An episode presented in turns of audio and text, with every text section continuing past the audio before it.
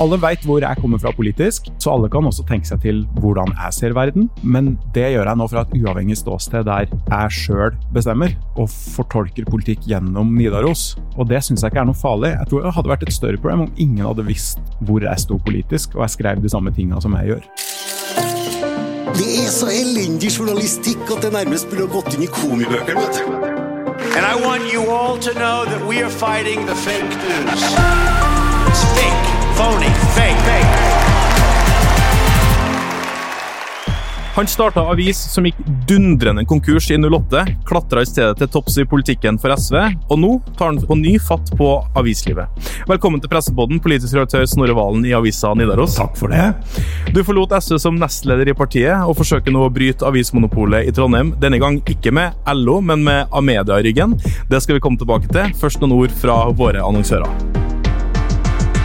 Sikre deg tilgang på det beste innholdet fra mediebransjen.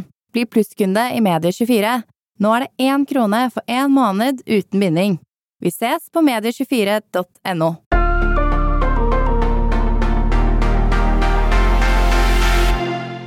Snorre Valen, vi sitter sammen i lokalene i nyoppstarta Nidaros i Trondheim. Du er meldt inn i Redaktørforeninga, meldt deg ut av SV. Hadde du sett for deg det her for noen år tilbake? Nei, jeg hadde ikke det. så var jeg, også, jeg har jo skjønt at det er jo ikke helt automatikk å bli tatt opp i Redaktørforeninga heller. Så det syns jeg faktisk var litt stort. Og spesielt når jeg fikk, eh, fikk pressekort da, tilsendt i posten. Det syns jeg var stilig. For ordens skyld, vi kjenner hverandre godt. Eh, vi starta Arbeideravisa sammen i Trondheim i 2008. Eh, du som daglig leder, og jeg som markedsansvarlig. Og så har vi omgås på privaten òg, fordi broren din er en god venn av meg. Så da er det ut av bildet. Yes. ok. Yes. Eh, du, hvorfor ville du gjøre comeback i, i mediebransjen? Um, det handla egentlig ikke så mye om mediebransjen, uh, og heller ikke så mye om um, en bestemt del av mediebransjen. Det handla mest om Trondheim, egentlig. Um, og, og det her, kanskje, Jeg må finne en måte å forklare det på for folk som ikke er fra Trondheim. Da. Men, men den trønderske politiske debatten i Trondheim by det, det er litt annerledes i Nord-Trøndelag. Vi kan snakke litt om det etterpå. Men i Sør-Trøndelag, og spesielt i Trondheim, så er den politiske debatten litt som sånn her Uh, du vet når du har fest, og så skal du, skal du joine to vennegjenger som ikke kjenner hverandre fra før, og som kanskje egentlig ikke har noe til felles. Og så blir det litt så, så vil det seg bare ikke helt. Det blir sånn stilt. Folk sitter rundt bordet, samtalen går tregt. Drikker litt av den ølen. Litt sånn er Trondheims politiske debatt. Den er litt treg. Uh, det er litt lite på spill. Uh, det, er lite liv da, i offentligheten. Så jeg hadde fryktelig lyst til å være med og bidra til å få opp, få opp temperaturen litt. Da. For det tror jeg samfunnet i Trondheim har veldig godt av.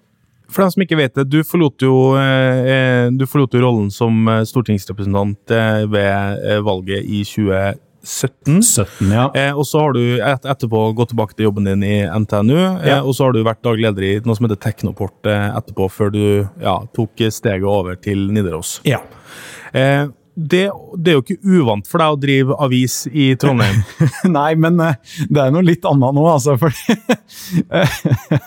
det gikk jo skikkelig til helvete sist. Ja, fortell. Ja, nei um, Trondheim har jo hatt avismonopol siden eh, tidlig 90-tall. Ehm, og så vil gamle byavisa nå Trondheim 24 protestere, men, men vi har hatt dagsavismonopol, da. Eller Um, ja, kommersielt utgitt avis man må betale for monopol, siden tidlig 90-tall. Um, og det har jo gjort noe Jeg tror det jeg sa om den offentlige debatten i Trondheim, uh, har nok sammenheng med det. Eh, og det er ikke Adresseavisa sin skyld. Jeg tror det er noe som ganske naturlig skjer du, hvis du bare har én redaksjon da, eh, som skal følge byen tett daglig. Eh, så det var jo et ønske fra mange om å få liv i gamle arbeideravisa i Trondheim. Uh, og I Trondheim har vi et LO med ganske stor makt. De hadde nok enda mer innflytelse for en 10-15 år siden. Eh, men det førte nok også til et litt vel høyt ambisjonsnivå, der de tenkte at de skulle være muskelen og motoren bak å starte opp Arbeideravisa igjen. Eh, De stilte med for lite kapital. De ansatte en daglig leder, som var meg, som hadde altfor lite peiling på hva jeg drev med. Og det redaksjonelle produktet ble ikke veldig bra. Jeg Husker oppslaget, den første, første oppslaget. Liksom, vi som, jeg var markedsansvarlig på den tida, eh, og var din ansatt. Jeg tok deg inn under min vinge som lovende annonseselger. 19 år, hadde ikke peiling på hva jeg holdt på med. Ja, men da, det, det, sånn, var, sånn var administrasjonen i Arbeideravisa, så du var ikke aleine om det. Men jeg husker det første oppslaget, fordi da avslørte Arbeideravisa eh, at det var vinlotteri i Frimurerlosjen. Ja. Det var ikke veldig Det var stor ikke en, det var eh, ikke en kioskvelter. Uh, og så var det jo, det har jeg tenkt på i ettertid, at det, det var ikke eh, det, altså Vi var jo unge og grønne, da. Eh, og såpass ung og grønn var jeg at jeg heller ikke så de litt uheldige konnotasjonene rundt det der heller. ikke sant? Uh, nå, mange år etterpå, så kjenner jeg veldig godt, for det har jeg jo jobba mye med politisk. altså Hele feltet konspirasjonsteorier. Men det her litt sånn oppheng i Frimurlosjen, det, det har jeg jo lite sansen for. Så det var mye ved det prosjektet som ikke var bra. Um, og så uh, um, så var det et sammenfall da, av at alle komponentene som skal til for å lage avis, alle var ganske dårlige. Jeg, jeg var en dårlig daglig leder. Jeg var en dårlig markedsansvarlig. Du var en dårlig markedsansvarlig. LO var ganske dårlige eiere. Uh, og redaksjonen funka heller ikke bra. Redaktøren stakk jo etter tre måneder plutselig. Ja, og han, han sa jo opp før det òg, så han var jo han var redaktør um, i noen utgivelser før han kunngjorde at jeg gir meg om en måned eller to. Eh, så fra starten av var det jo ikke noe bra, det her. Jeg slutta jo etter ja, fire måneder etter første utgivelsen. Jeg krangla med styret. Åpenlyst i Adresseavisa. Ja, for åpen scene i Adresseavisa. Alt var, alt var dårlig, rett og slett. Og til og med ikke sant, distribusjonen. Vi sleit med å få avisa fram til for, Ja, nei. Jeg glemmer aldri når vi fikk den, eh, de første utgavene eh, levert på døra, og du kunne faen ikke se hva som sto der engang, for trykken var så dårlig. Ja. Så det var, det var liksom, Jeg husker Albert Collett, da, som tok over som redaktør. Uh, etter at jeg slutta som daglig leder, så ble han henta inn uh, i redaktørstolen. Han skrev på lederplass noen måneder etterpå at du har noe som heter Murphys lov, som er at alt som kan gå galt, går galt. Og så introduserte han Arbeideravisas lov, da, som var at også alt som ikke kan gå galt, går galt. Det gjorde det. Ja, det gjorde det. Uh, jeg syns det var helt fryktelig da. Jeg brukte, For å være ærlig så brukte jeg ganske lang tid på å komme over det. Og så brukte jeg også ganske lang tid på å innse at jeg hadde vært en stor del av problemet. Det var veldig lett for meg å skylde på andre. Eh, Men sånn nå, mange år etterpå, så er jeg jo veldig glad for å ha erfart det. Fordi det var et, selv om det var veldig brutalt møte med både næringsdrift, med aksjeloven, med å forholde seg til et styre og eiere og sånn, så var det jo veldig lærerikt òg. Og så, ja, du kom nå inn i mediebransjen, da. Så Det var litt artig, fordi eh, Arbeideravisa skulle jo ha som utgangspunkt at vi skulle på en måte, vi skulle skrive om arbeidsliv, og vi skulle, eh, av, eller det, avisa skulle avsløre brudd Ja. på arbeidsmiljøloven og sånne type ting. Altså, Jeg sov på kontoret nesten hver dag. Eh, jobba 16-17 timer i døgnet. Og det er litt sånn artig når folk sier til meg da, nå, Erik, du må passe på sånn at du ikke jobber så mye. Ja. Så jeg, men du vet ikke hvordan jeg hadde det før. Nei, og jeg fikk, jeg fikk jo ikke kontrakt. Jeg fikk jo ikke arbeidskontrakt. Det var et av de skupene Adressa hadde. da. Det var LO som eier, liksom. Ja, og det, men det, og det kan man godt være overraska over. Men jeg tror hvis du nedi et par pils snakker med folk sentralt i LO-systemet, eh, i hvert fall folk som har jobba i LO eller for LO, så vil du nok se at det er ikke nødvendigvis sånn at arbeiderbevegelsen er de beste arbeidsgiverne. Og det tror jeg går igjen. Og det kan kanskje ha sammenheng nettopp med at du som en, en viktig, sterk arbeiderbevegelse også veit veldig godt eh, hvordan loven funker, og hvordan den kan tøyes. da. Eh, så spør du eh, det, det er ikke uventa at du har hatt en del konflikter mellom klubbene på Stortinget, altså de ansatte i partiene på Stortinget, eh, og, og venstresida sine arbeidsgiverorganisasjoner. Da. Ikke sant? Makt, makt, altså Motsetninger i makt og motsetninger i interesser mellom arbeidsgiver og arbeidstaker er jo det samme, selv om det er LO som er eier og arbeidsgiver. Det er jo ikke sånn at de automatisk blir snillere eller mildere arbeidsgiver enn andre. Og Som god sosialist da, så bør man også forstå det, tenker jeg. I 2008 gikk det til helvete. Hvorfor skal det ikke gå til helvete i 2020, nå som med på Nidaros? Uh, ja, det er, det er mange grunner til det. da. Uh, det- det første er kompetanse. altså det Her er det kompetente folk som driver. Og så er folk uh, Folka som jobber her, er dyktige, uh, sultne, engasjerte eh, redaksjonelle medarbeidere med eh, av media i ryggen. Som går med 500 millioner i pluss, liksom? Ikke, som er et svært konsern, eh, som nok ikke har den samme liksom, tydelige politiske helninga som arbeiderpressa historisk hadde, men som har den litt sånn spesielle tryggheten at det er en stiftelse. Altså det, er, det, er, ikke eiere som skal ta ut penger i Amedia. Og det, og det, gir, det gir, jo en veldig langsiktighet. da. Så sjøl om Nå er jeg, er fortsatt veldig ny. Um, jeg opplever Amedia som en sånn eier som De er opptatt av business. Um, så er det jo også veldig langsiktig, det de gjør. Og drev en ganske aktiv gjenoppbygging av porteføljen sin de siste åra. Og jeg tror jo at de veit, i motsetning til tidligere forsøk i Trondheim på å starte avis de siste åra, at det tar ganske lang tid å få det helt opp å stå. Eh, den tålmodigheten har de, og så har man muskler til å bære det. Hvorfor er det behov for en avis til i Trondheim? Um, uten sammenligning for øvrig, da, og det må jeg bare understreke, helt uten sammenligning for øvrig, så syns jeg det er rart at vi alltid For det, det spørsmålet jeg har fått mange ganger. Og jeg merker jo at, eh, og det forstår jeg, at en del eh, ansatte i Adressa tar seg litt nær av at jeg blant flere ganske aggressivt har snakka om Adresseavisa som monopolist. Um, men uten sammenligning for øvrig så er det litt rart å måtte svare på det spørsmålet. fordi Hvis jeg hadde spurt deg hvorfor må vi ha flere partier i Norge, så hadde du umiddelbart liksom tenkt ryggmargsrefleksen hadde vært at det er ikke et velfungerende demokrati uten flere parti. Det samme gjelder redaksjoner. Altså, Har du én redaksjon én stor redaksjon som er alene om å dekke et område, så betyr det, uansett hvor dyktige, proffe eh, redaksjonelle medarbeidere du har, og uansett hvor mye integritet de har eh, Og jeg har ikke noe vondt å si om noen som jobber i Adressa. det er Tvert imot. Mange av de er jo fantastisk dyktige, og jeg kjenner de godt. Så blir det fortsatt kun én redaksjon sitt blikk som fortolker byen. Eh, og Det fører, uansett om man vil det eller ikke, til at færre saker blir dekt. Det fører til at færre forhold blir avdekt. Det fører til at færre stemmer slipper til. Og det fører til at du ikke får en, en konflikt rundt det og en motsetning rundt det. Og jeg tror motsetninger mellom redaksjoner er like viktig som motsetninger mellom partier eller parter i arbeidslivet eller i sivilsamfunnet. Man må ha det for å ha en velfungerende presse. Du er jo politisk redaktør. Eh, du skal jo være med og, og sørge for at meningsinnholdet i denne avisa eh, kommer opp og står, og at mm. flere kommer til orde. Mm. Hvordan ser du på, på, på, den rollen? Eh, ja, er det en viktig rolle nå? Det er en, det er en kjempeviktig rolle, og så er det en krevende rolle. Fordi, og Det er flere grunner til det. Altså, det ene er, og jeg har jo sagt det flere ganger, og jeg sa det på Aftenpodden, at jeg, nå får jeg møtt meg sjøl skikkelig i døra. Jeg har jo drevet ganske aktiv mediekritikk som politiker.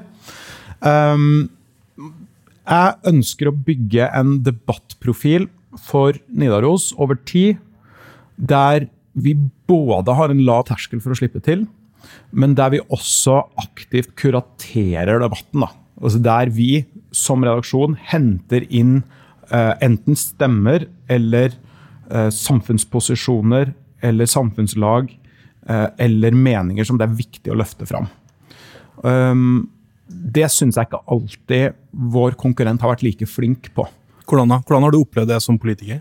Um, da, nå, nå, høres det ut som jeg liksom driver masse kritikk av Adresseavisen, og det er ikke det som er hensikten. Altså. Men jeg merka meg veldig godt da jeg var stortingsrepresentant, at uh, de nasjonale debattredaksjonene, spesielt uh, VG og Dagbladet og NRK Ytring, var veldig aktiv på å hente inn debattinnlegg. Altså aktivt følge med på hva som rører seg på sosiale medier, på, rundt omkring i ulike deler av samfunnet.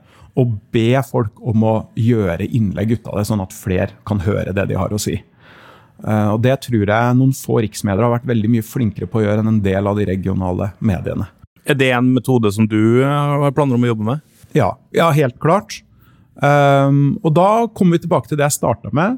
Det er et veldig god grunn til å ha flere redaksjoner. Fordi jeg ser verden med mine briller og med mitt blikk. Um, det jeg syns er viktig, er ikke nødvendigvis det alle andre syns er viktig. Uh, og Derfor trenger du, akkurat som du trenger konkurranse om nyhetsstoff, så trenger du også konkurranse på debattplass.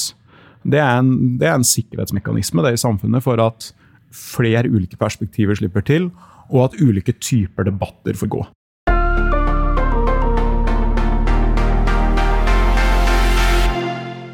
Sikre deg tilgang på det beste innholdet fra mediebransjen. Bli plusskunde i Medie24. Nå er det én krone for én måned uten binding. Vi ses på medie24.no.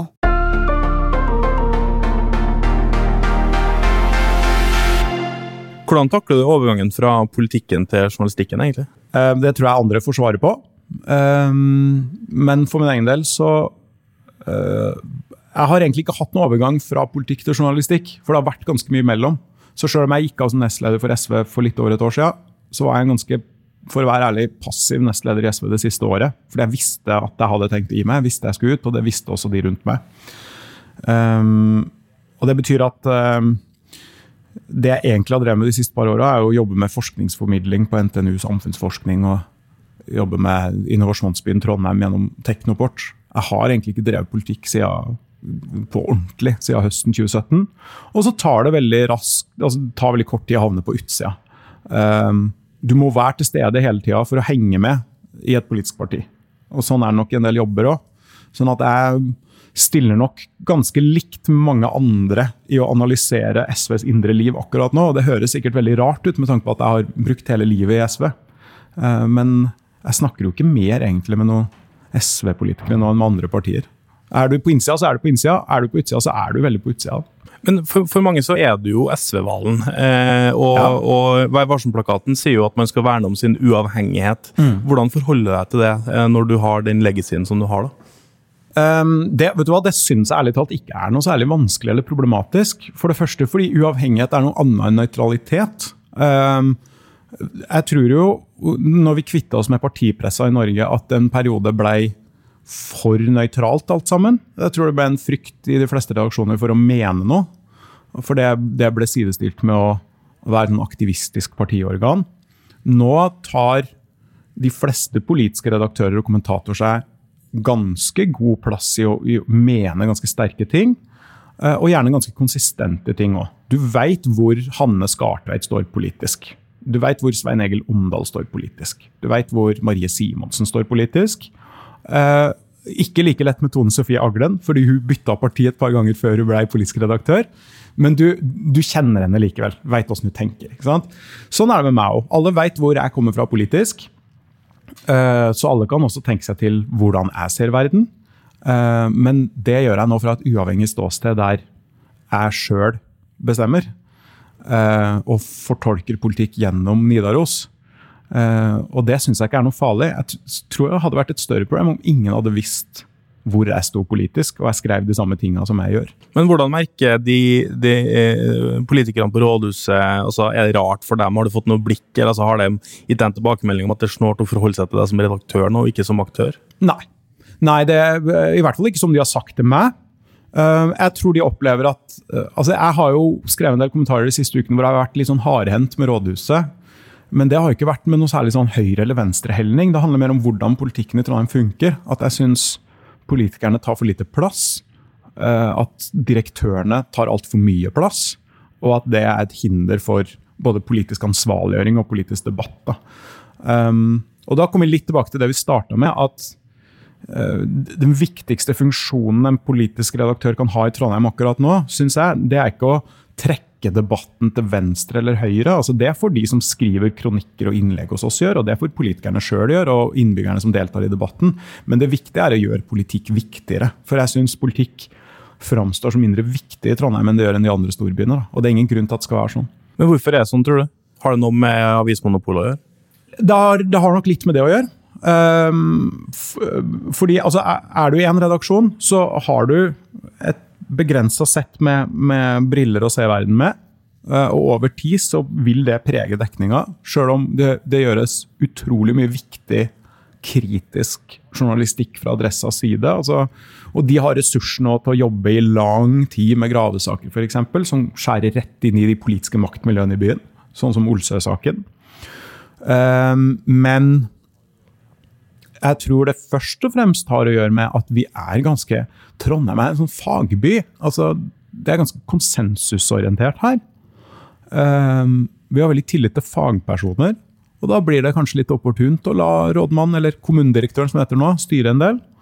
Uh, og så har samme parti styrt i snart 20 år. Så du skal egentlig kaste svære steiner i vannet og skape litt ringer og sånn? da? Ja, for å si det enkelt, ja. Eh, eh, mer må opp på overflata. Og så eh, det er, det, jeg tror det oppleves som veldig mye farligere i det gamle sørfylket i Trøndelag å krangle enn det gjør i nord. Jeg syns det virker som om nordtrønderne har mer tillit til politikk som verktøy, og derfor er det mindre farlig å krangle. Men i, i, nord, i, nord, i Trøndelag så er jo fylkeskommunen viktig. Eh, I, det er jo ingen som bryr seg om fylkeskommunen i Sør-Trøndelag, eh, eller Trøndelag Sør, som det heter nå. Man er vant til å få disse profilene opp i, Trøndelag, men man er kanskje ikke vant til det her i Trondheim. Mm. og sånne type ting. Hvordan ansvar har media for å liksom, bygge opp profilene og være med oss liksom, eh, søke konfliktlinjene som bygger samfunnet, tenker du?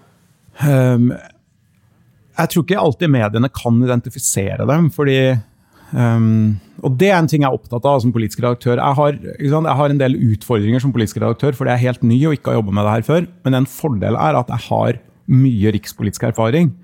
Og det gir også en innsikt i hvordan eh, politikk egentlig lages da, og bygges opp. Og jeg synes veldig mange kommentatorer og politiske redaktører har altfor spillteoretisk analyser. så de tror de legger sånn strategisk geniale planer inn i ting som bare er tilfeldigheter, uh, syns jeg. Ofte så analyseres en eller annen politisk hendelse på Stortinget som om det var planlagt. Og så vet vi veldig godt at det er litt tilfeldig at det ble sånn. Og Grunnen til at det ofte er litt tilfeldig, er fordi veldig mye av politikken i partiene i Norge styres nedenfra. Vi har veldig sterke partier i Norge. Så i veldig mange tilfeller så er et vanlig lokallagsmedlem i Trondheim Høyre bedre egna til å forklare hva de viktige kampene framover vil bli i Trondheim det neste året, enn en politisk redaktør. Sjøl om jeg snakker med mange flere og uh, har en fet jobb, og sånn, så, så, har ikke jeg de verktøyene denne aktivisten i Trondheim Høyre har. Og Det tror jeg er viktig å vite. da. Du har jo som du sier, du har forlatt partiet, men du har jo ikke liksom, forlatt et verdisyn som du har tatt med deg gjennom et langt liv i, i politikken. Eh, og det ligger jo langt til venstre i norsk politikk, eh, det som du har, eh, som du har vært med å, å, å lede. Hvordan skal du legge til rette for at f.eks. Fremskrittspartiet i innvandringsspørsmål skal komme til orde? Altså, har du gjort deg noen, noen perspektiver på det? Uh, ja, altså, jeg syns jo ikke det er noe problem. Jeg syns ikke det er noe vanskelig. Det handler om rolleforståelse. og uh, det er viktig å huske at de, de færreste politikere du liksom ser på TV eller leser i avisa, er der som privatpersoner. Altså, jeg har jo framført masse standpunkt i offentligheten som jeg, hvis du spør meg personlig, ikke 100% står inne for. Men det er ryddig, og det er riktig at det er sånn, fordi en politiker er der som representant for et program og et parti og en bevegelse. Hvilken sak er det du tenker liksom ah, shit, den er jeg egentlig gryende uenig i, men nå skal jeg stå her og ta den? liksom? Eh, for min egen del? Ja, det, har vært mange opp igjennom, og spesielt da vi satt i regjering. For da må du forsvare et sett med, med kompromiss som du egentlig syns er ganske ræva. Og så må du gjøre ditt beste da, for å selge. Um, det har vært mye i klimapolitikken. For min egen del så er jeg mer internasjonalt orientert, vil jeg tro, enn SV. Jeg har mer tillit til internasjonale institusjoner. Jeg har mindre mistro til dem. Um, jeg er mer positiv til arbeidsinnvandring. Uh, og sånne ting. Sånn funker jo politikk. Og på samme måte når du er politisk redaktør, så er jo liksom, mine politiske meninger de er ikke alltid så veldig viktige. Da. De er viktige hvis hvis vi som lederavdeling f.eks. vil mene noe sterkt om Trondheim, men jeg bruker jo mesteparten av tida mi på å orientere meg i hva andre syns, og sørge for at det blir en debatt mellom dem. Um, og da ja, kommer jeg til å praktisere stor frihet på debattsidene. Hva er den største forskjellen på å være eh, toppolitiker og være politisk eh, redaktør? Um, jeg syns um, jeg, jeg, må finne en diplomatisk måte å svare på det her på, da. men, men jeg tror at mange i meningssjiktet i norsk presse ikke forstår hvor privilegert de er, hvor mye makt de har, og hvor lite til ansvar de må stå. Så som politisk redaktør så får jeg egentlig alle de i klammetegn morsomste oppgavene som en politiker har, men jeg slipper noe av det harde arbeidet. Altså Jeg slipper alt det harde arbeidet og jeg slipper mye av ansvaret. Det her må det være mer konkret. Nei, altså Som politiker så er du, du er faktisk ansvarlig. Du kan ikke peke på noen andre. Når du sitter i den stortingssalen og trykker på den knappen og stemmer over noe, så vil det være eh, lagra i Stortingets arkiver for alltid hva du stemte. Og det er ditt personlige ansvar. Du er valgt av folk for å stemme på vegne av dem i den lovgivende forsamlinga. Du, du får ikke stort mer ansvar enn det. Som redaktør så svarer du til redaktørplakaten. Du kan etterprøves og kontrolleres og felles i PFU. Du kan få kritikk i offentligheten. Men du har jo ikke ansvaret for utfallet av saker som forandrer flere millioner mennesker sitt liv.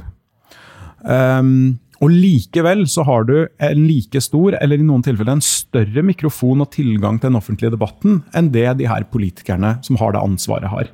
Hvordan forvalter de det ansvaret, tenker du? Uh, jeg tenker at ofte så uh, Og det har ikke forandra seg etter at jeg begynte i media sjøl. Jeg tenker at mange i media ikke sjøl reflekterer nok over hva slags maktposisjon de egentlig er i. Og jeg tror det er ganske bekvemt å tenke at jeg er en nøytral observatør uh, som bare fortolker politikken rundt meg, uten å forstå i hvor stor grad de sjøl påvirker politikken. Utfallet av saker og hva folk mener. Ja, For har vi gjennomslagskraft? Enorm. Ja, selvfølgelig. Helt åpenbart. Men hvordan forholdt du deg, eller eh, når du på en måte har på deg politikerhatten eh, eller fra den fortida, mm.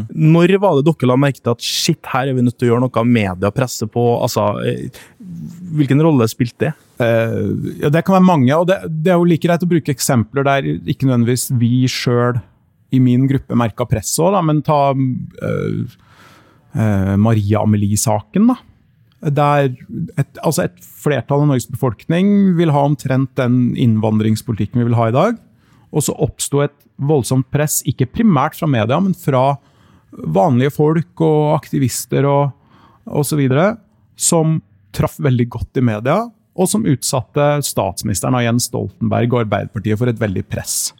Som ikke nødvendigvis var i synk med hva folk ellers ville ment. Samme for min egen del da jeg var SV-politiker og og regjeringa foreslo å uh, innføre uh, avgift på biodiesel.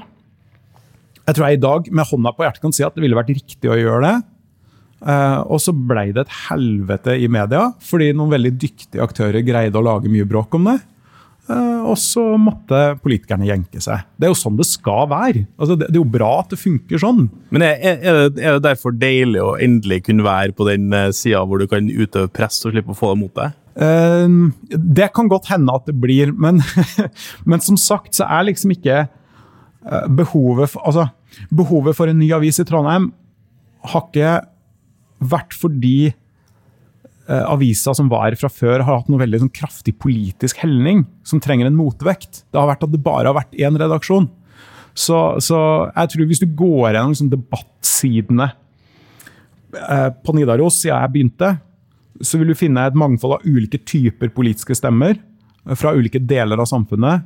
Men jeg tror ikke du vil finne veldig mange spor av liksom, det folk tenker er mine politiske meninger, er overrepresentert. For, for vår del i Nidaros så handler det om å legge til rette for mer debatt og mer uenighet.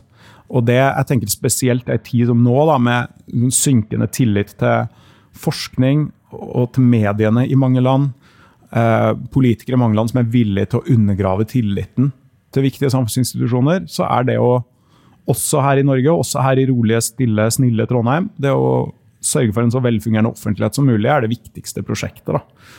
Og Sånn sett har jeg også mye makt, ikke? Det, men det må jeg bare være veldig bevisst på. Og så har jeg trening i å være bevisst på det, siden jeg har politisk bakgrunn. Du har jo som, eh, som eh, den politiske delen eh, av fortida di, så har du jo, som du sier, vært inne på også utøvd en del mediekritikk. Du har jo også skrevet kritisk om media. ja, I Medie24 har du gjort det, du har ja. gjort det i VG og, og, og den type ting. Mm. Hva er på en måte den mest treffende kritikken, noe som du har en hatt fra begge sidene? Nei, det, jeg veit ikke, altså. Jeg tror um, uh, Og det var et vanskelig spørsmål. Jeg tror uh, den mest treffende kritikken er i de tilfellene der jeg har vært opptatt av uh, redaksjonelt ansvar. Da. Spesielt i diskusjoner om kultur, innvandring, rasisme, sånne her ting. Så har vi veldig lenge i Norge sittet fast i en sånn motsetning der du enten altså, får sånn karikerte posisjoner. da, der du enten er for sånn helt sånn liberalistisk, helt ubegrensa ytringsfrihet, der det må være et mål at hva som helst kommer på trykk. For hvis ikke så undertrykker vi meningen, og da blir det bare verre. Eller så vil du sensurere alle som vil ha færre innvandrere til Norge. Og ingen av de posisjonene er reelle. Men jeg syns at øh, deler av mediene har et litt sånn sjølhøytidelig forhold til det der. eh, veldig ofte snakker om ytringsfrihet når ytringsfriheten reelt ikke står på spill eller er i fare i det hele tatt. Og det har vært en litt lettvint måte å unngå vanskelige diskusjoner om eh, hva slags offentlig debatt vi vil ha. Da. Så for er det Steve Bannon-invitasjonen på nordiske mediedager i fjor. Den syns jeg traff ganske godt med. Jeg syns det besøket ble en fiasko.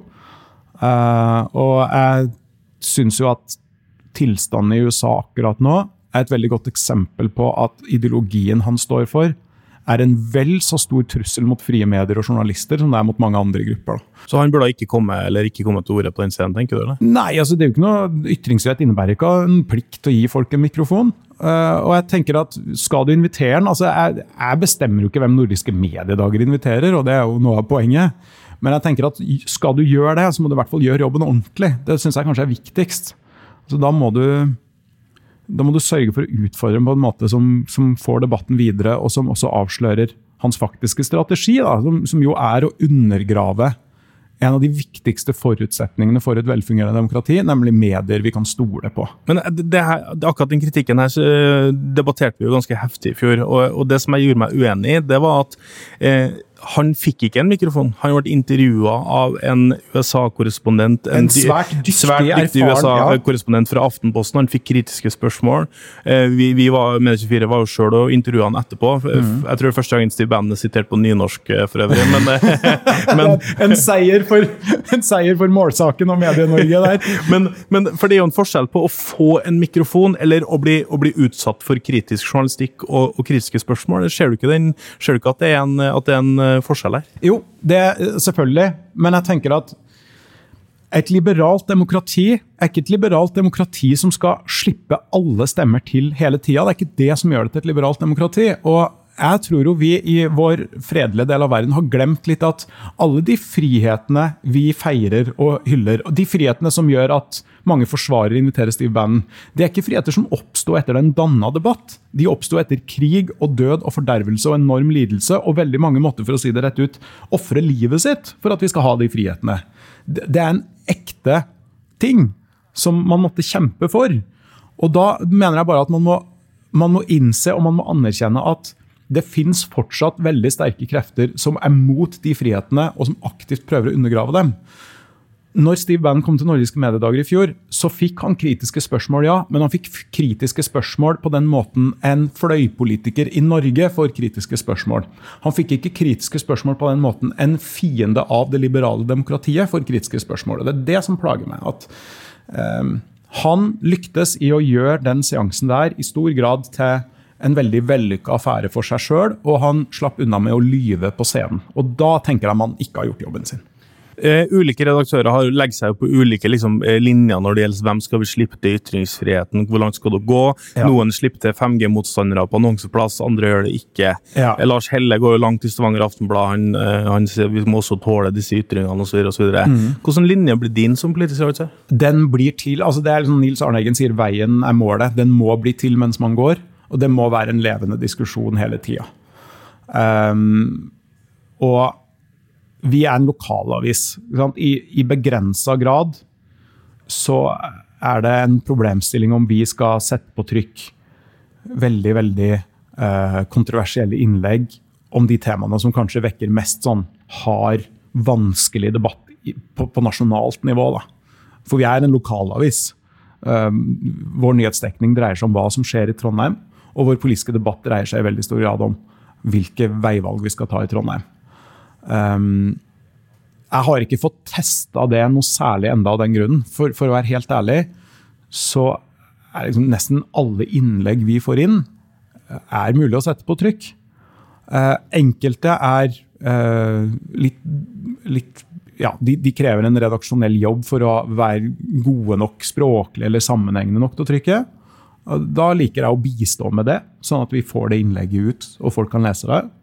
Eh, og så tikker det inn noen konspirasjonsteorier om jøder. Og det har jeg altså ingen problemer med å bare forkaste. Jeg mm. syns ikke det krever noen veldig grundig debatt. Så det er en oppfordring til aluminiumsfolie Koko Høyre og Antifa Venstre å begynne å skrive innlegg og sende til Snorre? Ja, for all del. Også, og da får jeg testa, da får jeg testa meg òg, da. Og da må vi diskutere hva slags redaksjonell linje skal vi etter hvert ligge på. Eh, jeg syns det blir litt rart å komme med sånn programerklæring på forhånd på akkurat hvor grensene for oss skal gå. Altså, det må jo være en, det må være en gjenspeiling av hva debatten i Trondheim er, og, og hva vi mener til enhver tid er forsvarlig. Og så har du en redaktør i Arne Reginussen som, eh, som eh, Ja, dere er jo ikke enige i alt, for å si det sånn. Nei, det, vi, vi, vi, vi plinger alltid i, i, i et glass når vi finner en sak vi er helt enige om. Da. Så det, det er en veldig fin dynamikk. Um, jeg tror jo um, Jeg tror jo politikere har mer erfaring med å tåle kritikk enn mange mediefolk har. Og med det sier jeg ikke at mediefolk er dårlige på å ta kritikk. Men vi er hårsår. Enkelte er hårsår. Langt ifra alle. Eh, de fleste er ikke det. Men du finner, kanskje flere hårsåre redaktører enn du finner hårsåre stortingsrepresentanter. Hvem er mest hårsåre redaktør? Nei, Det har jeg overhodet ikke til hensikt å svare på. Eh, men, men, ikke sant? Men du vet hvem det er? Eh, jeg har noen tanker, kanskje. Men det betyr jo at jeg tror norske medier også har et, et stort potensial i å, å, dyrke egen uenighet mer. da. Jeg, jeg, kunne tenkt meg mer kamp mellom avisene på lederplass. Mer sånn, sånn, litt tilbake til gamle dager der. Litt polemikk mellom redaktørene. Litt fiendskap. Eh, at det er løpende uenighet over tid. At avisene dyrker sine forskjeller og ulike standpunkt. Det tror jeg hadde vært veldig sunt. Der er masse å gå på. Og vi kan gjøre det internt i reaksjonen. Så jeg og Arne kommer til å ha en del dueller på podkaster og og det er jo bare bra. Altså, det er jo ikke noe farlig at vi er uenige om ting. Og dyrke litt fiendebilde kanskje over elva med Adresseavisa? Ja, Det kommer litt av seg sjøl, for vi er jo arge konkurrenter. ikke sant? Men jeg tror jo det er liksom frigjørende for Adressa at vi har kommet. Fordi Adressa er et vedtektsfesta verdikonservativt organ. Og så tror jeg de har slitt lenge med å forvalte det, samtidig som de har monopol. Det er vanskelig. For da blir du veldig eksponert for kritikk for at du er liksom monopolavisa som trøkker konservative et ståsted over hele befolkninga sitt hode. Det er lettere for Adressa å være tro mot sin formålsparagraf når de har en konkurrent, tror jeg. Eh, så over tid så både tror og håper jeg jo at vi også her i Trondheim får litt polemikk redaksjonene imellom på, på meningsplass. da. Um, har, også Et tilfelle nå er jo bioteknologiloven. Eh, der vi la oss åpenbart på en helt annen linje enn Adresseavisa. Men jeg håper at det vil, vil fortsette òg. Det tror jeg bare er bra og sunt. Jeg håper du får dyrke fiendebildet, skape flere meningsinnlegg som strider mot det alle andre står for. Snorvalen. lykke til med å bryte avismonopolet for andre gang. Ja, takk. Eh, det, det er jo et sånn ordtak som heter 'three times the charm', da, men jeg håper at det ikke stemmer i, i Trondheims tilfelle. Takk for at du stilte opp i Pressepodden. Takk for at jeg fikk være med. Redaksjonen består av Jan Magnus Weiberg Ørdal, Ingvild Fylling og meg, Erik Votland. Teknisk ansvarlig Sebastian Manrikes. Vi høres plutselig.